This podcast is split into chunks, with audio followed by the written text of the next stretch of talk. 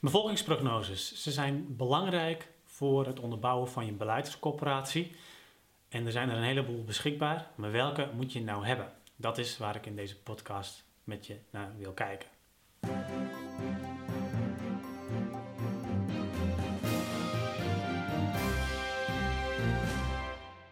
Er zijn natuurlijk een heleboel prognoses beschikbaar. En ja, demografische ontwikkeling is natuurlijk een hele belangrijke, um, belangrijke onderlegger voor bijvoorbeeld je ondernemingsplan, uh, keuzes in je vastgoedsturing, maar ook in ander, ander coöperatiebeleid. Want het betekent ja, de, hoe de demografische ontwikkeling uh, zich, uh, zich zal voordoen in de komende jaren. Ja, dat bepaalt voor een heel groot deel de omvang van je, van je doelgroep en ook de samenstelling van, van je doelgroep. Dus daar wil je natuurlijk meer van weten. Um, er zijn een aantal prognoses die je daarvoor kunt gebruiken. Een hele bekende is natuurlijk de prognose van CBS, uh, ook in samenwerking uitgewerkt met het Planbureau voor de Leefomgeving.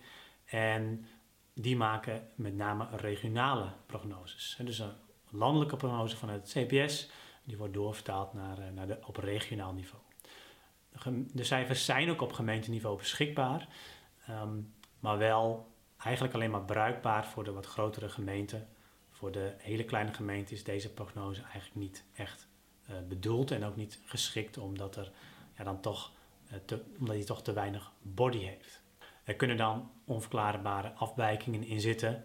Dus, uh, dus echt afwijkingen naar boven of naar beneden in aantal, geprognosticeerd aantal mensen wat in die gemeente woont, wat eigenlijk niet goed, goed verklaarbaar is vanuit het model. Um, op regionaal niveau is het wel een, wel een goede prognose. En het voordeel van deze prognose is wel dat ook het Planbureau voor de Leefomgeving ermee werkt. En die heeft daar ook een hele aantal uh, analyses en rapportages over uh, beschikbaar die je kunt gebruiken. Een andere prognose is de Primos-prognose. En het voordeel van deze prognose is dat die voor alle Nederlandse gemeenten beschikbaar is op het niveau van de gemeente. En ook voldoende is uitgewerkt om daar een realistisch beeld te schetsen. Um, wat bijvoorbeeld in deze prognose is meegenomen zijn bouwprogramma's die uh, die gemeenten al in gang hebben gezet of voornemens zijn om in gang te zetten. Um, en, en, dat maakt dat het een redelijk accuraat beeld geeft van ja, hoe dat dan uh, uitwerkt op gemeenteniveau. Zowel op huishoudensniveau als op inwonersniveau. Dan zijn er uh, prognoses die gemaakt worden door de provincies. En dat is vanuit beleidsmatig oogpunt een hele interessante, omdat de provincies die prognoses natuurlijk zullen gebruiken om ook met gemeenten in gesprek te gaan over of er wel of niet toestemming komt voor, uh, of medewerking komt vanuit de provincie om dus uh, die uitleglocaties te gaan realiseren. Dus, um, dus dat is een hele belangrijke vanuit beleidsmatig oogpunt. Er zitten wel grote verschillen in de kwaliteit van de prognoses tussen de verschillende provincies. Uh, sommige provincies gebruiken bijvoorbeeld een, een afgeleide van de Primos-prognose die ze hebben laten verfijnen op het niveau van de provincie. Andere, andere provincies doen het zelf. Um, en er, zit ook, ja, er is, ook een variëteit aan de toegankelijkheid van deze prognoses. Bij sommige provincies kun je die makkelijk via het web krijgen. Bij andere provincies is dat niet zo. Overigens raad ik je dan altijd aan om gewoon al dan niet via de gemeente even contact op te nemen met de provincie en dan kun je die prognose vaak wel, wel krijgen. Maar er zitten natuurlijk niet zulke mooie rapportages dan bij als bijvoorbeeld bij de, bij de CBS-prognose van en uh, ruimtelijk planbureau, uh, sorry, planbureau voor de leefomgeving moet ik zeggen.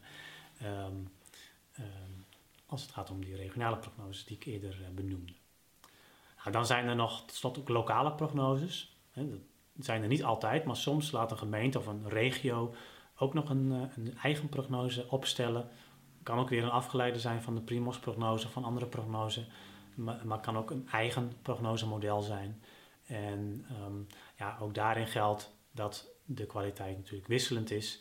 Het is wel zo dat op het moment dat er een lokale prognose is, dan is dat natuurlijk ook de prognose waar de gemeente bijvoorbeeld in de woonvisie van uit zal gaan.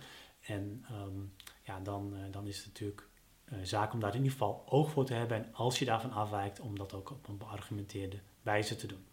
Nadeel van lokale prognoses is dat er ja, relatief toch hoge kans is dat er wensdenken insluipt. En dat die prognoses vaak wat hoger uitkomen dan, uh, dan de prognoses die, uh, die op provinciaal niveau of op landelijk niveau voor elke gemeente gemaakt worden. Wat je ehm, sowieso altijd kunt doen, is om ook de verschillende prognoses naast elkaar te leggen en om daarin ook de afwijkingen ten opzichte van elkaar te laten zien. Daarmee ehm, ja, laat je ook zien dat er een bandbreedte is in prognoses. En, ehm, en dan kun je ook beargumenteerd kiezen voor welke prognose je zelf voor jouw doel het meest realistisch en meest, uh, meest geschikt acht. Overigens is dat ook nog wel iets, ben ik vergeten net, net te vertellen, maar bij de CBS-prognose, um, het planbureau uh, voor de leefomgeving prognose, is het ook zo dat ook daarin worden ook al bandbreedtes aangegeven. Dus dat is ook nog een voordeel van, van die prognose.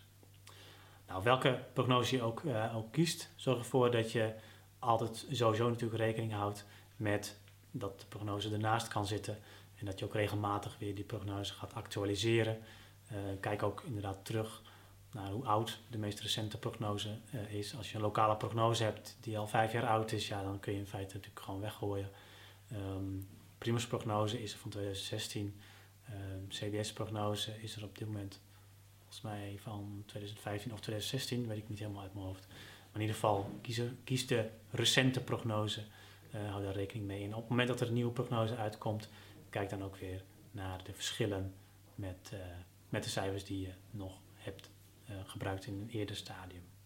Heel veel succes met het uitzoeken van de prognoses en vervolgens natuurlijk ook het onderbouwen van je beleid. Want als je dat op een goede manier wilt doen, dan wordt het alleen maar sterker op het moment dat je die prognoses goed gebruikt.